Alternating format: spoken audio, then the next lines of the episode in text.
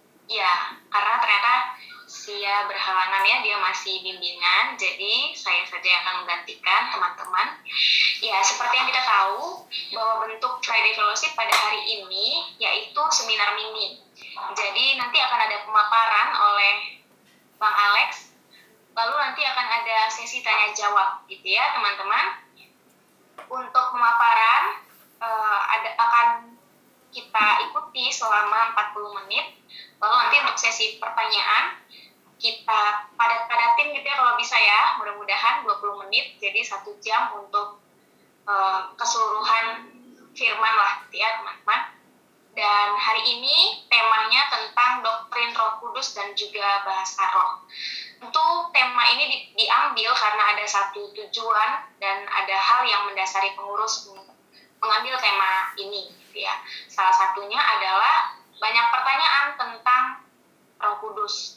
Secara khusus waktu kita belajar di kelompok kecil lewat bagian pelajaran PHB Peta Hidup Baru, situ kan juga banyak pertanyaan gitu ya yang diajukan tentang Roh Kudus. Lalu bagaimana juga dan berhubungan dengan bahasa Roh. Dan kita akan sama-sama pelajari. Nanti akan dibawakan oleh Bang Alex. Tentu Bang Alex sudah tidak asing lagi bagi kita ya. Kita semua udah hampir kenal. Ya akan membacakan profil singkatnya. Silakan. Next. Ya ini teman-teman profil singkat dari Bang Alex. Ya. Uh, beliau saat ini sudah menyandang gelar-gelar ya. Ya. Uh, sudah disebut sebagai pendeta. Tempat tanggal lahir bisa teman-teman lihat baru lahir nih saya. Lahirnya kok belum belum ya? Sepertinya salah ya ini. Baru Nanti beberapa bulan. dibenarkan ya, ya. Soalnya kayaknya teman-teman pengurus ada yang salah. Iya iya oke. Masa iya bang baru lahir gitu ya? Baru usia berapa Oke. bulan? Ya, itu teman-teman dan saat ini secara khusus Bang Alex melayani sebagai staf siswa di Perkantas Jakarta. Untuk kenalan lebih lanjut nanti akan disampaikan oleh Bang Alex apa hal yang perlu diperkenalkan bagi kita. Waktu selanjutnya saya serahkan kepada Bang Alex. Silakan Bang. Iya, shalom teman-teman. Selamat sore. Bersyukur buat kesempatan ini, buat seminar kita. Ya, usianya kalian tebak sendiri lah ya. Pokoknya yang jelas saya belum masih udah lebih dari beberapa bulan ya. Kalau Januari baru lahir, ini baru bulan keempat. Baik, Eh, tema kita cukup eh, padat sebenarnya kalau mau dibahas. Abang siapin PowerPoint, jadi saya sadar dengan keterbatasan waktu dan mungkin apa yang kalian pingin tahu banyak. Nah, saya coba eh, memilih dan memilah ya, jadi akhirnya tidak semua mungkin saya akan tampilkan. Dan saya berharap nanti silahkan teman-teman kalau ada yang mungkin mau bertanya mungkin bisa lebih memperjelas ya. Kalau bicara tentang Roh Kudus dan bahasa Roh, saya pikir kita harus memahami kita sedang berbicara tentang Roh Kudus dan karyanya, ya. Jadi kita lihat di mana posisinya. Iman Kristen itu berpusat kepada pengakuan akan Allah Tritunggal. Itu yang kita akui waktu kita hari Minggu di gereja mengatakan aku percaya kepada Allah, Bapa yang Maha Kuasa, Halil langit dan bumi, dan kepada Yesus Kristus anaknya, dan kepada aku percaya kepada Roh Kudus. Jadi, pusat daripada pengakuan iman Kristen kita adalah kepada Allah Tritunggal. Jadi, saya pikir kita harus menyadari, mengimani bahwa Allah Tritunggal ini juga satu doktrin yang nanti mungkin kalian harus pelajari juga. Yang jelas kita tidak menyembah tiga Allah. Jangan salah ya kekristenan kita mengakui kita menyembah satu Allah di mana Allah yang satu itu menyatakan diri di dalam tiga pribadi yaitu Bapa, Anak, dan Roh Kudus. Makanya kalau ditanya ke bagaimana gereja menghayati ini, saya pikir eh, kita harus bisa memahami kalau ada bilangnya gereja tapi dia tidak mengakui Roh Kudus sebagai pribadi Allah, saya pikir kita langsung menolak ya. Jadi kalau ditanya bagaimana kita menyikapi ajaran-ajaran yang aneh-aneh, salah satunya adalah lihat bagaimana pengajaran dia tentang Roh Kudus.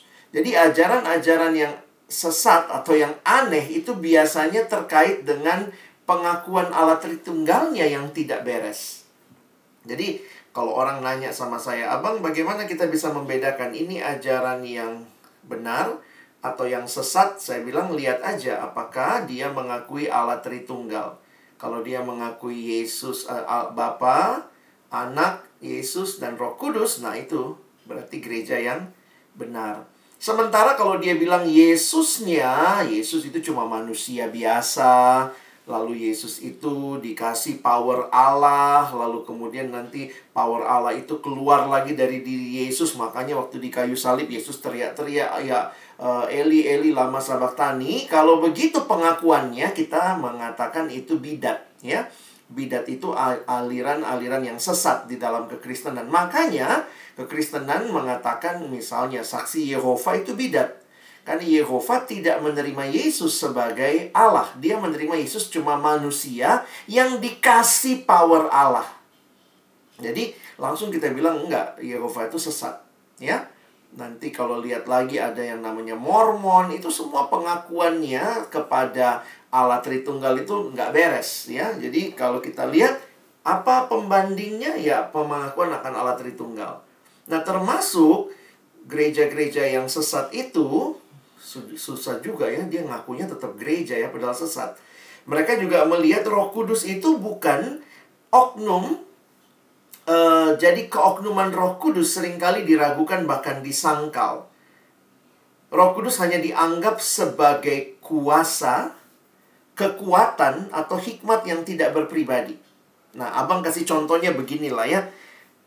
Kalau kita lihat misalnya ya, saya pegang apa ini? Saya pegang botol minum ya. Ini bukan pribadi. Ini benda. Nah, ajaran-ajaran sesat itu biasanya dalam kaitan dengan Roh Kudus, Roh Kudus tidak dianggap pribadi, tetapi dianggap seperti benda. Nah, karena itulah kita mengakui bahwa Roh Kudus adalah pribadi Allah. Ini pengakuan yang sejati dari gereja yang mengakui di dalam pengakuan iman rasuli.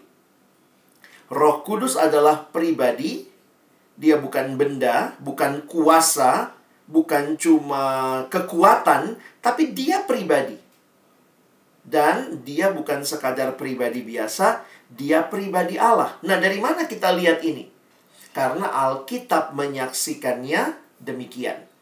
Jadi saya harap kita nggak salah ngerti tentang roh kudus ya. Roh kudus itu bukan benda, bukan kekuatan, bukan power kayak Power Ranger dia punya kekuatan ekstra. Tidak. Roh kudus adalah pribadi Allah. Di mana di Alkitab dikatakan dia pribadi? Nah, kalian bisa baca sendiri ya.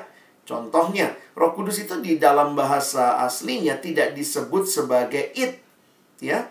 Bukan kata ganti benda, it atau itu kalau bahasa Indonesia ya. Tetapi dipakai kata ganti orang karena dia adalah pribadi Allah. Ya, jadi dipakai kata ganti iya misalnya ya. Kalau Roh Kudus cuma benda berarti itu, bukan iya ya, itu si itu gitu ya. Si kuasa itu. Enggak, dia adalah pribadi.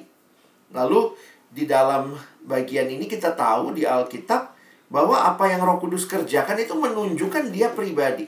Bahkan di dalam Yohanes istilah dipakai adalah paraklestos atau ini dipakai gambaran seperti uh, pengacara yang mendampingi di uh, pengadilan. Nah, pengacara itu adalah seorang pribadi. Nah, gambaran yang dipakai oleh Yesus, dia menyebutnya Roh Kudus sebagai penghibur. Ya, para kletos. Lalu uh, nanti kalian bisa lihat lah ya, ini mungkin beberapa pemahaman saja tentang Roh Kudus adalah pribadi. Nah, ini yang mungkin lebih penting. Yang namanya pribadi, sesuatu itu dikatakan pribadi kalau dia punya emosi, dia punya kehendak, dia punya rasio. Emosi, kehendak rasio. Jadi sekali lagi botol minum ini bukan pribadi. Dia nggak punya emosi kita pukul begini nggak nggak berasa dia ya nggak ada rasanya buat dia. Dia nggak bisa marah nggak bisa membalas karena dia bukan pribadi. Ini benda. bedanya benda sama pribadi. Nah, saya pribadi. Saya punya emosi, saya punya kehendak, saya punya rasio. Nah, pribadi ini berdiam di dalam sebuah yang namanya tubuh, ya. Jadi, saya adalah pribadi. Nah, Roh Kudus itu pribadi. Kenapa? Nanti kalian lihat ayat-ayat ini ya. Abang bisa kasih slide-nya. Roh Kudus dibilang berkata-kata. Masa botol minum berkata-kata nggak bisa? Berarti Roh Kudus itu adalah pribadi. Dia bisa punya kehendak, dia punya emosi, makanya dia berkata-kata, Roh Kudus menunjuk, Roh Kudus bersaksi, dia dapat didustai. Masih ingat Anania Safira? Sampai Petrus bilang kamu kalian mendustai Roh Kudus. Kalau Roh Kudus itu benda, masa benda didustai begitu ya? Dia pribadi, dia dapat didukakan, makanya Efesus 4:30 jangan mendukakan roh. Dia membimbing. Ya jadi dia pribadi Allah. Dan dikatakan juga dia dapat dihina ya. Jadi ini menunjukkan semua karakteristik ini menunjukkan Roh Kudus adalah pribadi. Nah, tetapi lebih jauh lagi ini bukan sekadar pribadi biasa. Ya, tetapi Roh Kudus adalah pribadi Allah. Saya pribadi, teman-teman. Tapi saya bukan pribadi Allah, saya pribadi manusia. Lalu dari mana membedakan ini adalah pribadi Allah? Sekali lagi sumber utama kita selalu kalau bicara dari di mana, Bang? Di Alkitab. Jadi kita membangun doktrin Roh Kudus kita dari mana? Dari Alkitab. Tadi ya ayat-ayatnya jelas Roh Kudus itu pribadi dan dikatakan Roh Kudus adalah Allah. Lihat sifat-sifatnya. Allah itu kekal. Nah, Roh Kudus di Ibrani 9:14 dia juga kekal. Roh Kudus Maha Kuasa. Masih ingat kelahiran Yesus? Kuasa Roh Kudus turun atas Maria. Roh Kudus Maha Hadir. Mazmur 139, ke manakah aku dapat pergi menjauhi rohmu? Loh, ada roh yang ada di mana-mana berarti dia adalah Allah. Karena dia maha hadir. Maha tahu. Dia bahkan dikatakan pencipta alam semesta. Di mana ayatnya ini semua kalian bisa lihat. Jadi ingat baik-baik. Roh Kudus itu bukan benda, dia pribadi. Dia bukan pribadi biasa, dia bukan pribadi manusia, dia pribadi Allah dengan semua sifat-sifat ini. Karena itu, kita mengakui bahwa Allah Tritunggal ada Bapa, Bapa pribadi. Yesus pribadi, Roh Kudus pun pribadi. Makanya dalam pengakuan iman rasuli kita mengakui, aku percaya. Nah sayangnya banyak orang Kristen ngaku-ngaku aja tapi nggak terlalu paham doktrin-doktrin Kristen. Nah ini kita mesti belajar ya dalam seminar mini seperti ini. Kalian dalami. Waktu kalian bilang aku percaya Roh Kudus, jangan pikir Roh Kudus itu kayak kayak apa? Kita bayangannya kadang-kadang kayak Casper. hantu baik, dia terbang-terbang, dia lewat-lewat. Roh Kudus itu pribadi Allah yang memimpin kita, membimbing kita. Memang dia tidak ada tubuh seperti kita, dia adalah roh. Ya, sama seperti Bapa, hanya yang mempunyai tubuh itu hanya Tuhan Yesus, ya. Jadi kira-kira itu pemahaman kita. Nah, sekarang Roh Kudus itu ngapain dalam hidup kita, ya? Nah, di dalam kehidupan orang percaya, Roh Kudus berkarya. Sebenarnya kalau kita lihat nanti dalam timelinenya secara linier, Roh Kudus ini berkarya di dalam kehidupan orang percaya. Mulai dari kapan dia berkarya? Kalau kita lihat, kita bagi ya, dalam hidup kita dari awal kita percaya. Kenapa engkau bisa percaya? Itu adalah buah dari pertobatan dan kelahiran kembali yang merupakan pekerjaan Roh Kudus. Jadi kok saya bisa percaya pada Kristus? Itu karena karyanya Roh Kudus di dalam hidup kita. Jadi di mana Roh Kudus berkarya dari awal engkau jadi Kristen, kita melihat ini pekerjaan dari Allah semata-mata. Lalu yang kedua, waktu kita lagi jalani hidup kita nih. Ya, makanya hidup kita ini harus dipimpin oleh Roh. Dan dalam kehidupan kita ini, kita pun memahami Roh Kudus bekerja dan memberikan kepada kita apa? Nah, kita lihat beberapa hal. Roh Kudus memberikan kita kuasa. Roh Kudus itu mengajarkan kebenaran. Yohanes 15. Roh Kudus itu menguduskan. Dan Roh Kudus itu menganugerahkan karunia-karunia roh. Jadi unik ya. Roh Kudus bukan hanya bekerja di awal pertobatan kita, tetapi waktu kita menjalani hidup. Kita menjalani kehidupan kita, Roh Kudus menganugerahkan berbagai hal ini, ya.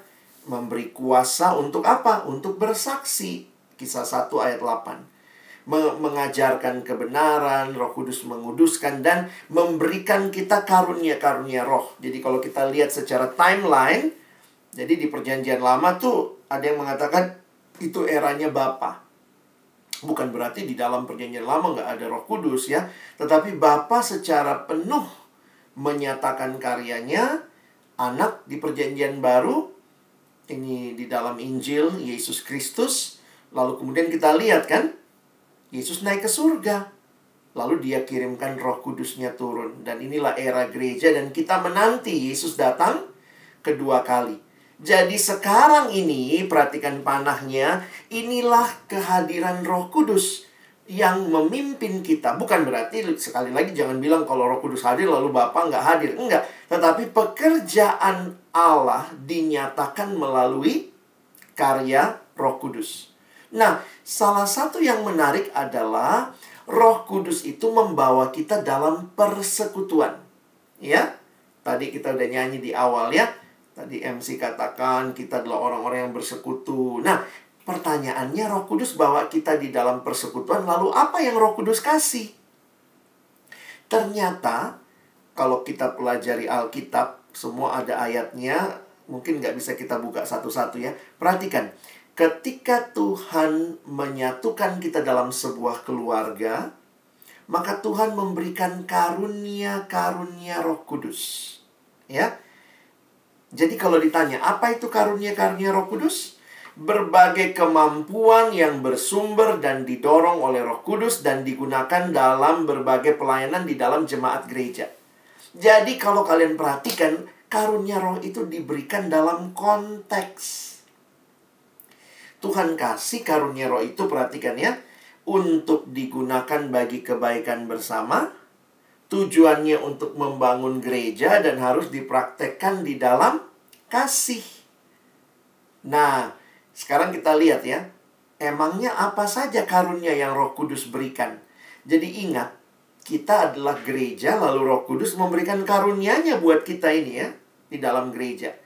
Nah, ayat Alkitab yang bisa kita baca 1 Korintus 12 ayat 4 sampai ayat yang ke-11. Perhatikan kalimatnya. Ada rupa-rupa karunia, tetapi satu roh. Apa sih maksudnya? Ya roh itu satu yang merupakan sumber dari karunia itu. Ayat 5. Ada rupa-rupa pelayanan, tetapi satu Tuhan. Dan ada berbagai-bagai perbuatan ajaib, tetapi Allah adalah satu yang mengerjakan semuanya dalam semua orang. Jadi dari mana itu? Roh karunia roh dari Allah. Jelas ayat 6 ya. Ayat 7. Tetapi kepada tiap-tiap orang dikaruniakan penyataan roh untuk kepentingan bersama. Jadi nggak ada tuh karunia roh untuk kepentingan sendiri, apalagi untuk sombong-sombongkan diri. Salah kamu. Kalau kamu menggunakan karunia roh dengan tujuan itu, nggak benar berarti. Karena tujuannya untuk kepentingan bersama. Nah, apa saja yang dikaruniakan? Perhatikan ayat 8. Sebab kepada yang seorang roh memberikan karunia untuk berkata-kata dengan hikmat. Dan kepada yang lain roh yang sama memberikan karunia berkata-kata dengan pengetahuan. Lalu ayat 9. Kepada yang seorang roh yang sama memberikan iman.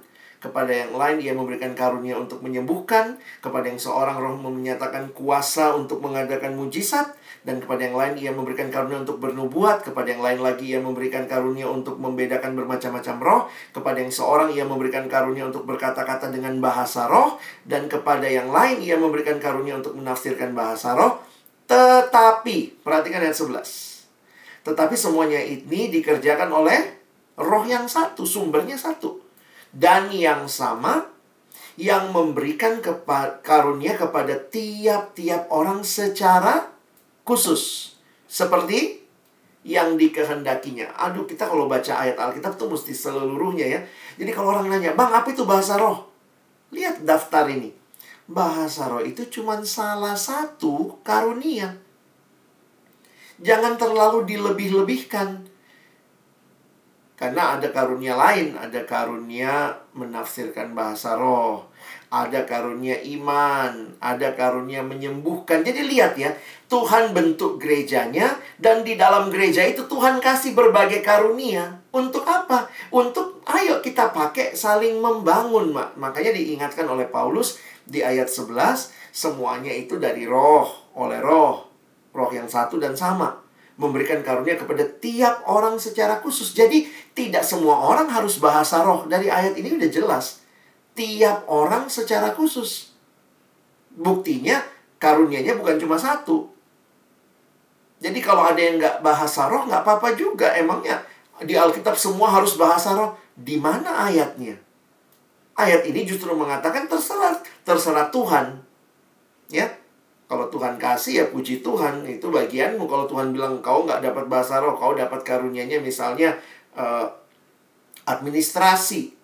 Loh, emangnya ada karunia administrasi bang? Makanya kalau perhatikan sebenarnya karunia Roh Kudus itu bukan cuma di sini.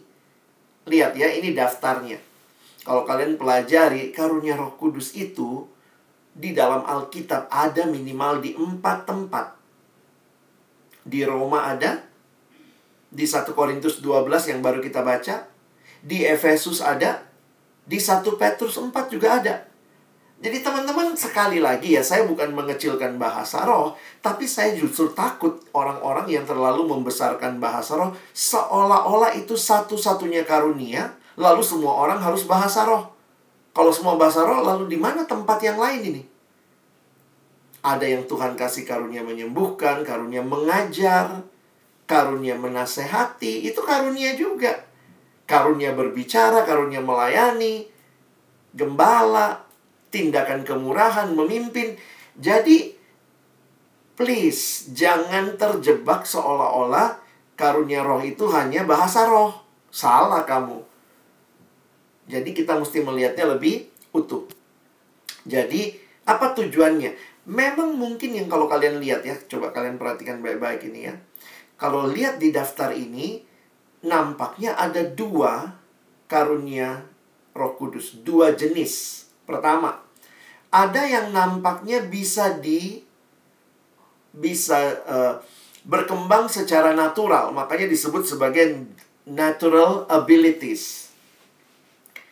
Misalnya, sesuatu yang bisa dipelajari kan, karunia memimpin karunia memimpin nampaknya itu natural abilities. Misalnya dia punya bakat, orangnya memang bisa memimpin. Jadi ketika dia menggunakan itu diserahkan untuk pelayanan Tuhan, maka Roh Kudus bekerja itu jadi karunia rohani.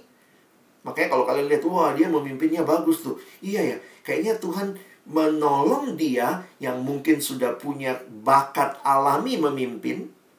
Lalu Tuhan teguhkan dan itu jadi karunia rohani buat dia. Tetapi ada karunia-karunia yang tidak berdasarkan bakat, tetapi sesuatu yang bersifatnya ajaib. Contohnya apa? Nah, contohnya itu bahasa roh. Bahasa roh menyembuhkan itu kan nggak bisa dipelajari ya. Aduh, saya mau pergi les dulu bahasa roh. Jadi, ketika kita di dalam Tuhan, maka Tuhan mengaruniakan apa yang nggak pernah kita pelajari.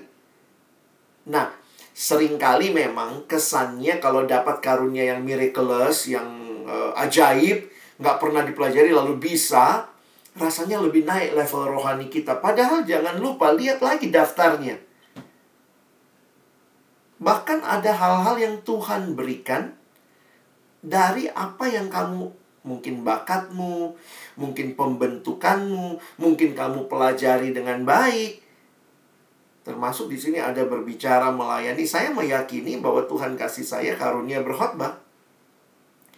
Melihat, iya ya, gimana? Abang dari mana? Apakah saya tidak pernah belajar khotbah? Saya diam aja tiba-tiba langsung Tuhan kasih begitu. Oh, Alex bisa khotbah. Ya, saya belajar. Saya baca buku, saya latihan. Saya di sekolah teologi belajar khotbah. Saya jadi teman-teman itu sesuatu yang Tuhan berikan melalui proses. Makanya ada yang alamiah, ada yang enggak. Nah, kalau kalian lihat di daftar ini, banyakkan yang mana? Banyakkan yang alami atau banyakkan yang ajaib? Yang ajaib itu cuma penyembuhan. Nggak ada kan kursus menyembuhkan ya. Ada orang kalau dia doa mati orang itu. Tapi ada kayak orang Tuhan kasih karunia waktu dia doakan orangnya sembuh. Ya mungkin dia punya karunia penyembuhan. Karunia membedakan roh, berbahasa roh, menafsirkan bahasa roh. Ini agak-agak miraculous ya. Ini ini ajaib-ajaib yang nggak pernah bisa dipelajari. Tetapi sekali lagi ini hanya segelintir dari begitu banyak yang bahkan yang lain ini Tuhan berikan melalui proses natural. Nangkep ya? Jadi, sekarang abang mau masuk lagi nih, tujuannya. Kenapa saya sedih? Karena banyak orang lupa, dia pikir tujuan karunia roh itu untuk menyombongkan diri. Aku dong bisa bahasa roh. Kau, ih, bahasa Jambi. Wong, ah, wong kita galau, ai. Kau nggak bagus bahasamu, aku dong. Kalau begitu kamu pakai karunia roh, you miss the point. Kamu udah kehilangan maknanya. Lihat di sini. Apa tujuannya karunia rohani? Yang berbagai macam itu diberikan untuk kepentingan bersama. 1 Korintus 14 ayat 26. Perhatikan yang abang garis bawahi ya kalau waktu kita terbatas. Harus dipakai buat apa? Untuk membangun. Jadi pernah ada anak nanya sama saya juga. Dia bilang gitu, Bang gimana caranya dapat karunia bahasa roh ya bang? Aku mesti doa dulu kali ya, aku mesti puasa dulu ya. Aku mesti ditumpang tangan dulu mungkin ya. Saya akhirnya tanyanya gini. Apa tujuanmu dapat karunia roh? Kau minta lagi spesifik mintanya bahasa roh. Tujuanmu apa? Kalau kamu tujuannya untuk menyombongkan diri, aku dong bisa bahasa roh. Saya lihat bukan itu tujuan karunia. Hati-hati minta sesuatu. Tuhan berikan saya karunia itu. Tuhan saya mau karunia itu. Mintalah juga hati untuk memakainya bagi kepentingan bersama. Ada orang mungkin awalnya Tuhan sudah kasih bahasa roh, tapi kemudian dia pakai untuk kesombongannya. Jadi itu jadi sesuatu yang bukannya membuat dia makin memuliakan Tuhan, tapi karunia itu membuat dia makin jauh dari Tuhan. Jadi jangan saya tidak akhirnya melihat ya kedewasaan rohani itu bukan berarti orang yang dewasa rohani yang bisa bahasa roh. Kalau dia bahasa rohnya untuk kepentingan sendiri itu justru tanda tidak dewasa rohani. Jadi kedewasaan rohani tidak berbanding lurus dengan banyaknya karuniamu. Tuhan bisa saja kasih banyak karunia buat kamu. Tapi kalau kau pakai buat kesombongan, you miss the point. Lihat lagi tujuannya. Semua ini kalau kalian pelajari 1 Korintus 12, 13, 14 berulang kali dipakai. Kamu memang berusaha untuk memperoleh karunia roh tapi lebih daripada itu hendaklah kamu berusaha mempergunakannya untuk membangun jemaat. Di Efesus juga dikasih tahu. Untuk memperlengkapi bagi pembangunan tubuh Kristus. Jadi kalau orang berbahasa roh itu untuk apa? Untuk membangun jemaat.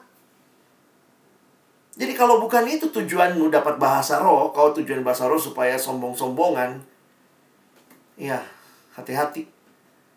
Jadi tujuan dari semua karunia rohani ini untuk memperlengkapi gereja melaksanakan tugasnya sampai Yesus datang. Nah, jadi sekarang kita masuk lebih spesifik ke bagian terakhir tentang bahasa rohnya. Ya, Abang udah jelasin Roh Kudus, Abang udah jelasin karunia-karunia roh itu ada banyak macam, salah satunya bahasa roh. Sekarang kita lihat bahasa rohnya, ya. Bahasa rohnya itu kalau kita lihat secara definisi, karunia bahasa roh dalam bahasa Yunani disebut glossolalia.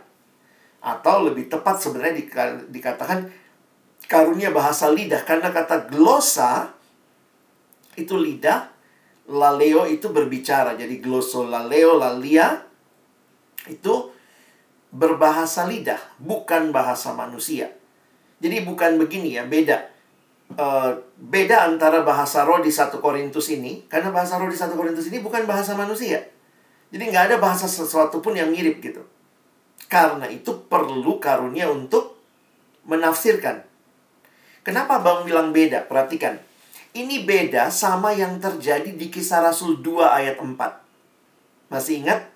di kisah Rasul waktu Pentakosta, waktu Petrus berkhotbah, Petrus kan khotbah pakai bahasa yang dia pakai mungkin bahasa Ibrani atau mungkin bahasa Yunani kita nggak tahu, tapi yang jelas orang-orang itu dengar rasul-rasul itu berkata-kata dalam bahasa mereka.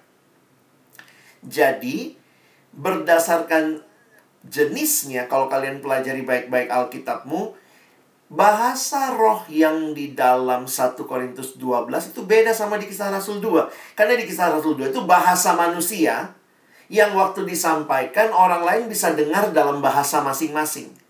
Sementara yang dikatakan di 1 Korintus ini bukan bahasa manusia. Jadi itu bukan bahasa Jawa, bahasa Batak, bukan ya. Sementara kalau di satu di kisah Rasul 2, rasul-rasul itu tiba-tiba bisa berbahasa orang-orang yang dari berbagai daerah makanya mereka bisa ngerti dan akhirnya mereka bertobat. Jadi beda ya kalau belajar Alkitab mesti kita pahami. Nah, bahasa roh yang kita mau bahas yang memang sering kali dijadi jadi pergumulan ada salah pengertian, salah pemakaian yang 1 Korintus 12 ini. Bahasa roh yang dari bahasa yang tidak dimengerti. Makanya teman-teman harus baca 1 Korintus 14 untuk memahami.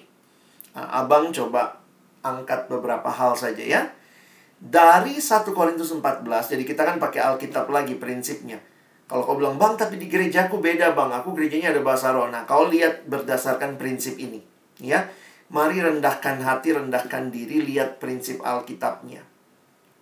Perhatikan, pertama, bahasa roh itu bukan bahasa manusia. Jadi kalau ada yang bilang, ih bang di gerejaku ada pembicara datang dia bahasa bahasa Inggris bang, terus yang yang terjemahin itu ternyata nggak datang. Eh tiba-tiba dia bahasa Inggris tapi kami semua dengarnya bahasa Indonesia. Nah itu bisa begitu juga ya. Nah itu bukan bahasa roh. Itu orang itu ngomong bahasa Inggris, tapi Tuhan memberikan karunia, kamu bisa dengar dalam bahasamu. Nah ini katanya pernah terjadi. Ini memang ajaib juga ya. Itu mirip kayak kisah Rasul 2 pernah katanya pendeta Billy Graham harus khotbah di Rusia atau di negara mana, lalu penerjemahnya sakit. Ya udah, akhirnya dia tahu ada yang ngerti bahasa Inggris, dia tetap aja khotbah dalam bahasa Inggris. Tetapi beberapa orang mendengarnya jelas dalam bahasa Rusia. Wah itu siapa yang ber, melakukan? Nah itu Tuhan sendiri ya. Nah itu bukan bahasa roh yang dimaksud di sini, ya. Karena kalau kalian perhatikan ayatnya, abang selalu tulis ayatnya di bawah ya. Beda. Nah, karena ini bukan bahasa manusia, nggak ada kursusnya. Kalau ada yang bilang, ayo pergi kursus bahasa roh. Udah jelas itu, aneh itu. Jangan ikutin. Karena itu pada dasarnya bahasa roh tidak dapat dimengerti. Karena itu bukan bahasa manusia. Baik oleh yang bicara maupun oleh yang dengar. Makanya kalau kalian lihat ya, ini ayat-ayatnya ya. Paulus bilang, sebab jika aku berdoa dengan bahasa roh, maka rohku yang berdoa, tapi akal budiku tidak turut berdoa. Jadi Paulus juga nggak tahu dia bicara apa. Loh, bagaimana caranya kalau kita kumpul-kumpul dalam jemaat lalu ada orang berbahasa roh? Makanya Paulus jelaskan lebih jauh. Karena itu, Paulus mengharuskan adanya penafsir bila ada yang berbahasa roh. Kenapa? Karena tujuannya supaya orang lain dibangun. Ingat kan tujuan karunia tadi? Tujuannya supaya orang lain dibangun. Makanya lihat ayat 13 Paulus bilang, karena itu siapa yang berkata-kata dengan bahasa roh, ia harus berdoa supaya kepadanya diberikan juga karunia untuk menafsirkannya. Lalu ayat 27, jika ada yang berkata-kata dengan bahasa roh, biarlah dua atau sebanyak-banyaknya tiga orang, yang seorang demi seorang, dan harus ada seorang lain untuk menafsirkannya. Jadi kalau nggak ada penafsirannya, ngapain gitu? Kalau tujuannya untuk membangun jemaat, harus ada yang menafsirkan. Ya? Nah, ini hal-hal yang perlu kita pahami. Lalu, selanjutnya. Yang berbahasa roh itu tidak ekstasi, out of control. Kadang-kadang kita pikir yang bahasa roh itu kayak, uh, dia udah nggak tahu-tahu kayak kepenuhan roh, kayak oke okay, orang kerasukan. Kalau begitu yang terjadi sebenarnya orang yang berbahasa roh kalau lihat prinsip di 1 Korintus 14, nggak demikian. Karena lihat, Paulus kasih aturannya. Lihat ayat 27 ya. Jika ada yang berkatakan dengan bahasa roh, biarlah dua atau sebanyak-banyaknya tiga orang. Seorang demi seorang. Berarti antri dong. Makanya kalau ada yang bilang, iya nih di, di tempat itu dia bahasa roh sampai nggak bisa di stop. Loh, kalau di sini yang benar-benar bahasa roh menurut Paulus itu bisa antri kau dulu gitu ya. nggak nggak bisa bunyi sama-sama. Kalau bunyi sama-sama itu kayak nggak jelas gitu ya. Ayat 28, jika ada tidak ada yang dapat menafsirkannya. Nah, lihat nih kalimatnya. Jika tidak ada yang dapat menafsirkannya, hendaklah mereka berdiam diri dalam pertemuan jemaat. Berarti bisa kontrol.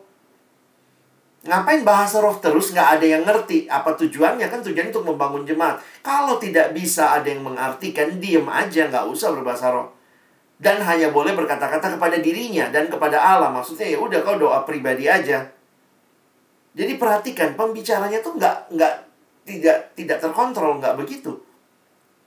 Makanya kalau orang bilang iya bang dia kemasukan roh dia bisa bahasa roh.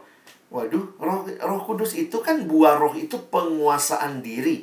Kalau ada orang bilang dikuasai roh kudus tapi tidak bisa menguasai diri, nggak bisa mengontrol diri, nggak bisa antri, nggak bisa menahan diri, udah saya ngomong kepada diriku aja dan kepada Allah. Berarti bukan roh kudus itu, roh kuda mungkin ya. Liar begitu terjadinya. Ya. Nah, karena itu abang kasih beberapa prinsipnya dari ayat-ayat tadi ya Perhatikan kalimat Paulus tadi. Jika ada, berarti nggak harus ada. Jangan juga dimutlakan bahasa roh ya. Itu jangan, nggak nggak apa-apa juga kalau nggak ada. Lalu biarlah dua atau tiga orang. Lihat ayatnya tadi. Ini berarti bukan semua jemaat berbahasa roh. Sebab jelas nanti di ayat 23 kalian baca lagi. Kalau Paulus bilang, kalau kalian semua bahasa roh lalu ada orang luar masuk. Lihat kalian semua ngomong bahasa yang dia nggak ngerti. Dibilang gila kalian. Lalu seorang demi seorang. Berarti ada giliran. Dan harus ada yang menafsirkan. Jadi apa kesimpulannya? Kesimpulannya ini nih. Teman-teman lihat ya. Ada keteraturan. Dan memang seseorang yang dipenuhi Roh Kudus harus menunjukkan ciri keteraturan karena kuasa Roh Kudus tidak meniadakan kemampuan orang untuk mengendalikan dirinya. Jadi abang harap tidak kadang kadang-kadang kita pikir oh dia dikuasai Roh Kudus makanya dia nggak sadar diri. Saya justru mengatakan orang yang nggak sadar diri itu Roh Kudus, Kudus atau Roh apa itu? Roh Kudus itu selalu memimpin di dalam kesadaran. Makanya kalau kalian perhatikan kita dalam kekristenan melihat ya orang yang dirasuk roh jahat dia bukan jadi dirinya karena dia dirasuk. Roh Kudus itu tidak pernah merasuk kita. Roh Kudus itu memimpin kita. Jadi kitanya sadar. Ya. Dan ini lihat lagi nih, tadi udah dikasih tahu sebenarnya ini ayat-ayatnya Abang kutipin. Jadi bahasa roh itu bahasa private. Maksudnya begini, itu bahasa silahkan pakai dalam doa pribadimu. Kalau kamu mau pakai di publik, maka harus ada yang menafsirkan. Karena kalau tidak ngapain? Ya. Jadi hal ini juga bisa kita lebih lanjut ya. Tidak berarti yang berdoa dalam bahasa lidah lebih mulia daripada yang pakai bahasa manusia. Itu Paulus yang ngomong loh. 1 Korintus 14 ayat 15. Jadi apa yang harus kubuat? Aku akan berdoa dengan rohku. Tetapi aku akan berdoa juga dengan akal budiku maka aku akan menyanyi, memuji dengan rohku, tetapi juga akan menyanyi dan memuji dengan akal budiku. Jadi Paulus tidak menolak bahasa roh, tetapi dia mengatakan juga dia pun berdoa dalam bahasa yang dimengerti dan sama bobotnya. Jangan mikir yang bahasa roh karena bahasanya nggak dimengerti kayaknya lebih dekat dia sama Tuhan. Enggak juga, kan dia nggak ngerti. Jadi ingat lagi, bahasa roh bukan buah roh. Karena itu sebagai karunia roh tidak harus ada dan tergantung siapa? Tergantung roh kudus. Kan karunianya roh. Tergantung roh dong mau ngasih atau tidak. Kalau roh bilang kamu nggak dapat karunia bahasa roh. Kamu dapat karunia memimpin. Kamu dapat karunianya menasehati. Nah, dan juga tidak bisa dijadikan, oh dia sudah selamat, dilihat itu dia bisa bahasa roh. Bahasa lidah bukanlah tanda keselamatan atau tanda kedewasaan seseorang. Ya, Nah, ini beberapa slide terakhir. Bahasa roh bukan satunya karunia roh, tadi abang udah bahas. Tetapi cuma salah satu. Ya, tidak ada indikasi bahwa Alkitab atau Rasul menekankan bahasa roh itu paling istimewa. Lihat Paulus dia bahas semua. Bahkan beberapa ahli bilang, lihat tuh dia bilangnya yang pertama iman segala macam. Malah roh karunia bahasa roh ditaruh di agak akhir. Kalau kita lihatnya sebagai urutan, malah ini paling bawah. Mungkin kalau makanya jangan jangan jangan kita jadikan seperti uh, keistimewaan yang bisa bahasa roh lebih istimewa dari yang cuma punya karunia berkhotbah, memimpin, bernubuat, nggak begitu. Ya. Nah, makanya di dalam sejarah gereja ini beberapa kali diingatkan. Hati-hati, jangan pakai topeng dari karunia roh kedewasaan rohani. Wah, jadinya sikapnya sombong. Aku dong bisa bahasa roh. Atau jadi ketidakseimbangan. Seolah-olah yang dapat karunia yang miraculous itu lebih tinggi derajatnya dari yang dapat karunia natural. Dan ingat, hati-hati, iblis bisa memanipulasi. Ya, jadi karena itu Alkitab mengajarkan ujilah. Lalu bagaimana bang setelah kita ngerti semua ini? Bagaimana kalau kita lihat orang bahasa roh? Nah, lihat ini yang terakhir ya. Bagaimana sikap kita terhadap bahasa roh, bahasa lidah? Maka pertama, kita pakai prinsip Alkitab. Di mana itu? Baca lagi 1 Korintus 14. Jangan melarang atau menolaknya. Karena itu saudara-saudaraku kata Paulus, usahakanlah dirimu untuk memperoleh karunia yang ber, untuk bernubuat, tapi dan janganlah melarang orang yang berkata-kata dengan bahasa roh, jangan dilarang. Tapi perhatikan, tetapi apabila ada, maka perhatikan lagi prinsip di ayat 27 sampai 28 tadi ya. Pertama, cukuplah dua atau tiga orang berbahasa lidah dalam satu pertemuan. Paulus sudah bilang jangan terlalu banyak kan dua sampai tiga. Lalu harus dilakukan bergiliran satu demi satu itu jelas tadi ayatnya. Ayat 27 28 dan harus ditafsirkan. Karena kalau nggak ditafsirkan apa gunanya di pertemuan jemaat? Pakai aja di doa pribadimu itu yang Paulus bilang. Lalu jangan memaksakan atau memutlakan. Nah, ini prinsip 1 Korintus 12. Jadi balik lagi di 1 Korintus 12 Paulus bilang, "Apakah semuanya rasul? Semuanya nabi, pengajar? Apakah semuanya harus bahasa roh?" Jadi berarti kan nggak semua harus. Ada yang bisa bahasa roh, ada yang rasul, ada yang nabi, ada yang pengajar. Jadi kalau ada orang-orang masa sekarang bilang semua yang bertobat, yang selamat, terima Yesus harus bahasa roh. Gimana kamu ngerti ayat ini? Ya. Ayat ini jelas. Bukan berarti harus semuanya harus ya. Dan terakhir. Lalu bagaimana Bang? Ujilah ya.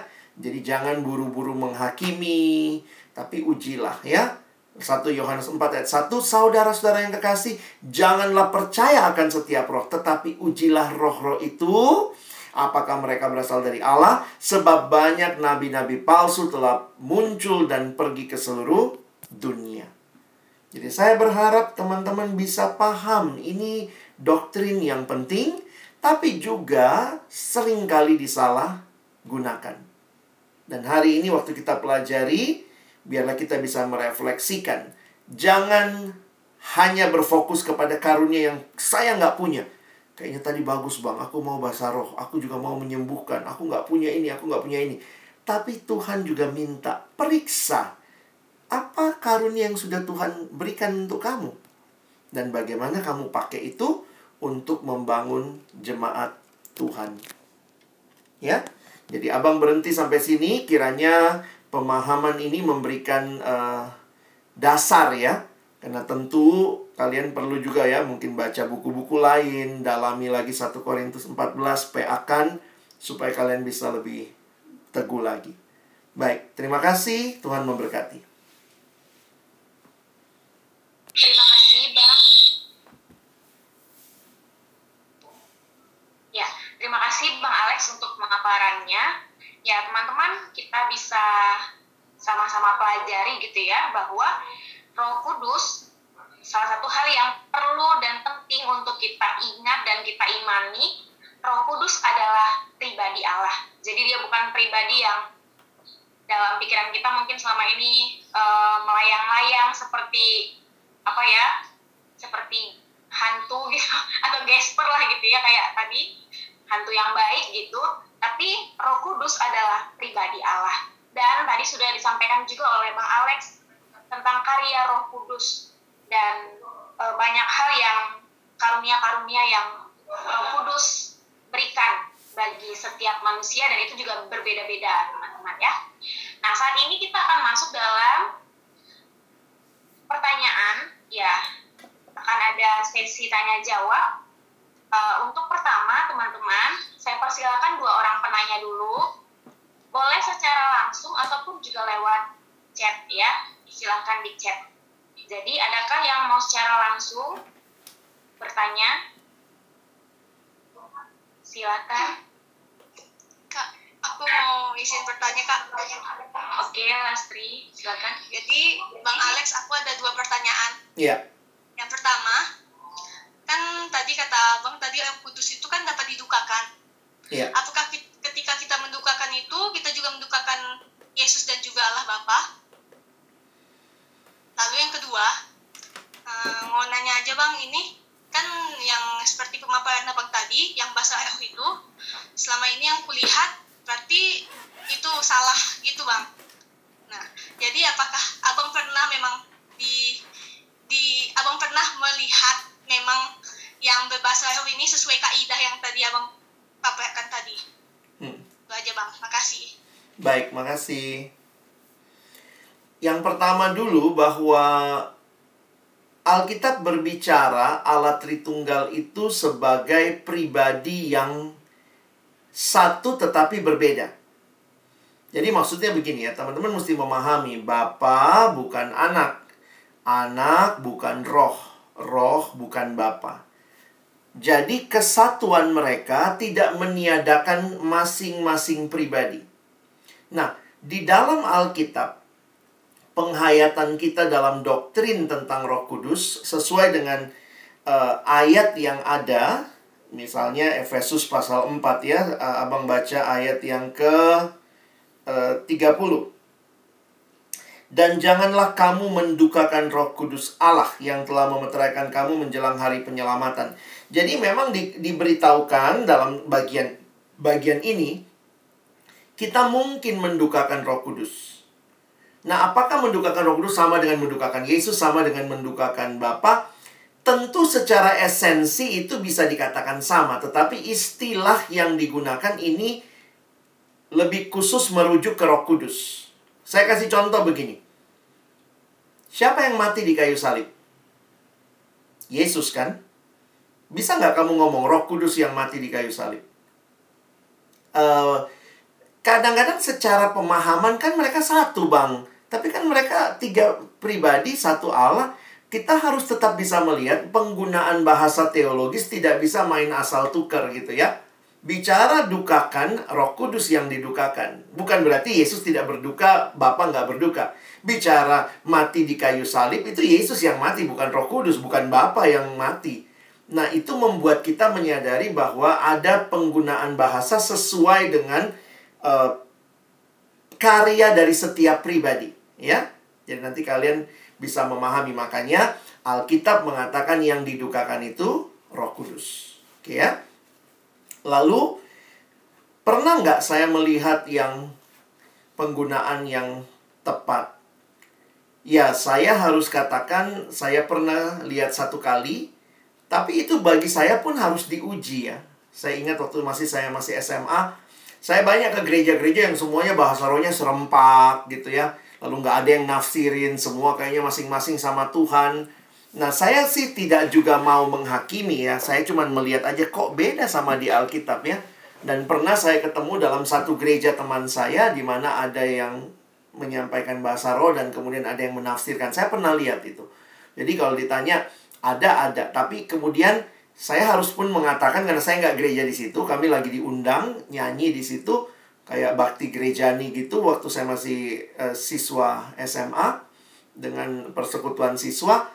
Dan itu ada yang tiba-tiba bahasa roh kan kita kan dari gereja yang nggak biasa bahasa roh bingung gitu. Tiba-tiba ada yang menafsir. Jadi kita oh ini tafsirannya. Tapi pertanyaannya dari mana kamu ujinya? Semua ujian apakah tafsirannya benar itu kan tafsirannya bisa kita ngerti kan dia pakai bahasa Indonesia ya. Apakah sesuai dengan Alkitab jadi kadang-kadang saya mikirnya gini jangan terlalu uh, berpikir pokoknya harus dapat karunia-karunia supranatural rajin-rajinlah baca Alkitab karena apa pun itu bentuknya dalam karunia roh maka kamu harus menguji kan Mengujinya apa? Mengujinya berdasarkan Alkitab nggak? Ya udahlah rajin-rajinlah baca Alkitabnya ketimbang ngejar karunianya. Mungkin itu kali jawaban abang ya. makasih bang Iya.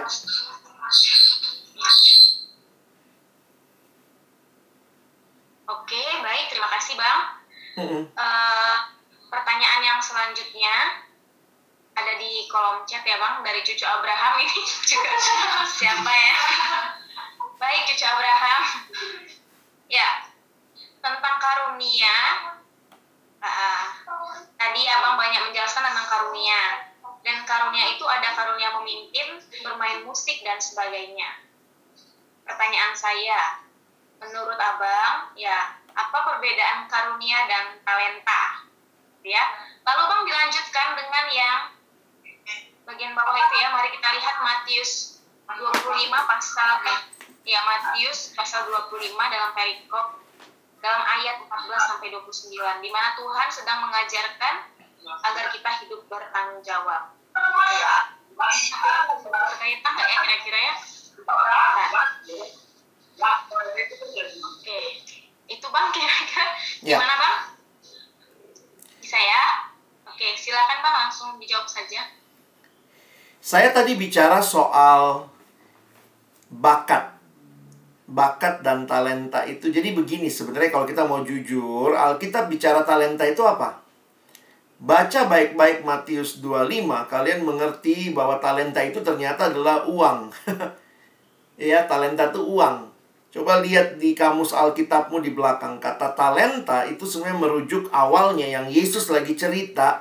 Itu adalah jumlah uang yang sangat banyak. Jadi, kita yang bawa dalam konteks bahasa kita sekarang talenta itu adalah bakat alamiah begitu. Jadi, sebenarnya eh, kalau belajar Alkitab juga kita bisa melihat itu hal yang sangat berharga. Makanya biasanya kita kaitkan dengan apa yang Tuhan karuniakan. Nah, saya tetap melihat bakat alamiah itu ada bagiannya. Ya, ada bagiannya di dalam di dalam eh, apa ya? Ada bagiannya di dalam pertumbuhan kita. Tapi jadi begini.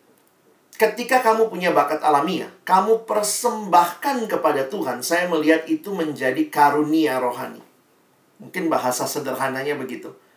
Karena itu hal-hal yang kita dapat di dalam jadi begini, bakat itu yang tidak Kristen pun dapat. Semua orang kan lahir dengan kemampuan natural. Tetapi ketika yang natural, kamu misalnya main gitar bisa, lalu kamu persembahkan dalam pelayanan, maka kita bisa melihat itu menjadi karunia rohani yang dipersembahkan bagi Tuhan. Saya membedakannya, karunia itu kalau sudah dipersembahkan kepada Tuhan, karena kaitannya karunia rohani. Alkitab berbicara tuh karunia rohani, sumbernya dari roh. Jadi itu tidak mempertentangkan, tetapi tidak semua bakat jadi karunia. Tidak semua talenta jadi karunia. Tetapi eh, semua karunia itu eh, bukan semua lah ya berarti ada karunia yang berdasarkan bakat kita. Ada yang seperti bahasa roh kan nggak ada yang ber, "Ih, saya dari kecil bakat bahasa roh nggak ada ya. Itu dikasih secara ajaib. Itu supernatural gift.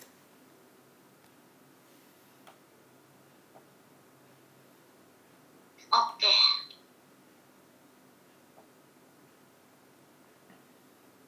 Oke. Ya, terima kasih Gimana teman kita? Ini mau manggilnya apa ya? Cucu. Gimana cucu? Eh, nanti aku bacakan yang kedua ya. Sebentar ya. Oke, teman-teman. Itu tadi penjelasan dari Bang Alex ya. Ya, teman-teman tentu penjelasan di sini tidak apa ya? Tentu tidak tidak bisa menjawab sesuai dengan keinginan teman-teman gitu ya. Jadi ini semua eh, tentu jawabannya berdasarkan apa yang Bang Alex pelajari dan juga nikmati. Kalau nanti ada yang kurang puas gitu lah ya, sekiranya eh, tentu kita juga terbatas. Nanti silakan kita bisa bagikan gitu ya kontak Bang Alex mau didiskusikan secara pribadi juga oke gitu ya karena mengingat eh, ibadah ini terbatas gitu ya. Nah yang kedua ya kita masuk ke bagian yang kedua ya teman-teman. Ada dua orang lagi pertanyaan, eh dua orang yang saya persilakan lagi untuk bertanya dan sudah ada di kolom chat. Tadi kayaknya udah dijawab ya ya bang yang ini Eh, tadi Anastasia kan kalau ada yang berbahasa roh digunakan secara publik harus ada yang menafsirkan pertanyaannya. Arti menafsirkan ini seperti apa ya, Bang? Iya. Apakah artinya sama dengan terjemahkan? Sama ya? Sama. Jadi tadi udah terjawab ya, Sia. Tuh. Oke, teman-teman. Berarti karena jawaban Sia sudah dijawab, eh, tetap masih ada dua pertanyaan lagi yang diterima. Yang pertama ini dari teman kita ya, Cucu Abraham. Ya, teman-teman. eh, ya, seperti yang teman kita katakan, seminar ini bagus. Mari kita memperdalam lah ya pengetahuan kita tentang kekristenan agar kita pun juga makin bertumbuh dalam iman ya tentu tujuannya. Pertanyaan yang kedua, apa itu klausa fil filioku? Filioque. Filioku. Oke, silakan bang. Eh, ini ini biasanya dibahas dalam alat Tritunggal ya, jadi saya nggak tahu persis apa apa perlu saya bahas di sini, tapi intinya yang membuat gereja Barat dan Timur berpisah ya ini klausa ini ya, filioque. Ini berkaitan dengan eh, gereja Barat yang menambahkan klausa ini berkaitan dengan dari mana bagaimana hubungan Bapa dan Roh Kudus, Eh, anak dan Roh Kudus. Jadi makanya di dalam pengakuan iman Athanasius yang dipakai dalam gereja barat sampai hari ini kita punya klausa filioque dalam bahasa Latin dan dari sang anak. Dalam eh, konsili yang dilakukan tiga em, 381 381 konsili Nicea Konstantinopel itu hanya ber- berpusat pada Roh Kudus itu keluar dari Sang Bapa. Lalu dalam sejarah gereja ketika akhirnya gereja barat konsili di- ditambahkan ya mereka menambahkan dengan keluar dari Sang Bapa dan Sang Anak. Jadi kemudian uh, klausa itu yang namanya filioque controversy ya. Kalau kalian agak bingung itu apa, itu semua ada kok di Google ya. Kalian googling aja ada. Wikipedia menunjukkan bahwa gereja barat dan timur sebenarnya berpisah pada sekitar eh, sekitar tahun em, 1000 eh, Great Schism itu 1054 karena filioque kontroversi yang sudah ada di abad-abad ke-5 kalau saya nggak salah. Nah itu sejarah gereja. Kalau kalian nanya abang ngomong apa sih? Itu sejarah gereja ya. Kalian mesti pelajari juga ya. Kalau tertarik silakan nanti bisa mempelajari.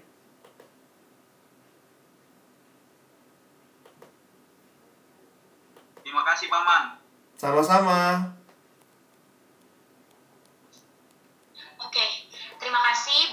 Penjelasannya. Ya, itu teman-teman berkaitan dengan sejarah gereja ya. Itu eh, kompleks teman-teman ya. Kalau bicara tentang sejarah gereja. Baik, Eh, adakah satu lagi teman-teman yang mau bertanya? Dipersilakan, masih ada waktu. Silakan, mau bertanya secara langsung juga oke. Atau kembali lagi ada yang mau bertanya lewat chat juga silakan.